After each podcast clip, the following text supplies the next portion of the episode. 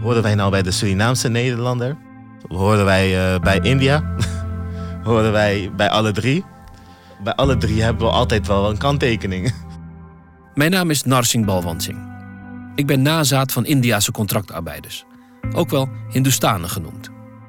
Vanuit dat besef maakte ik de tv-serie De Reis van de Indiërs. Een sterke drijfveer om de serie te maken was de drang die ik voelde om gehoord en gezien te worden. Ik ben opgegroeid in een uh, tijd waarin uh, eigenlijk werd geacht van mij om mezelf zo onzichtbaar mogelijk te maken. In deze podcast van de NTR vervolg ik het gesprek. Ik onderzoek welke plek het verhaal van de Indiase contractarbeiders, ons verhaal, heeft in de Nederlandse geschiedenis. Wat ik bijvoorbeeld heel graag zou willen is het, het documentje waarop mijn achternaam staat, gewoon in mijn handen hebben. Hoe gaaf is als je het originele document in handen kan krijgen?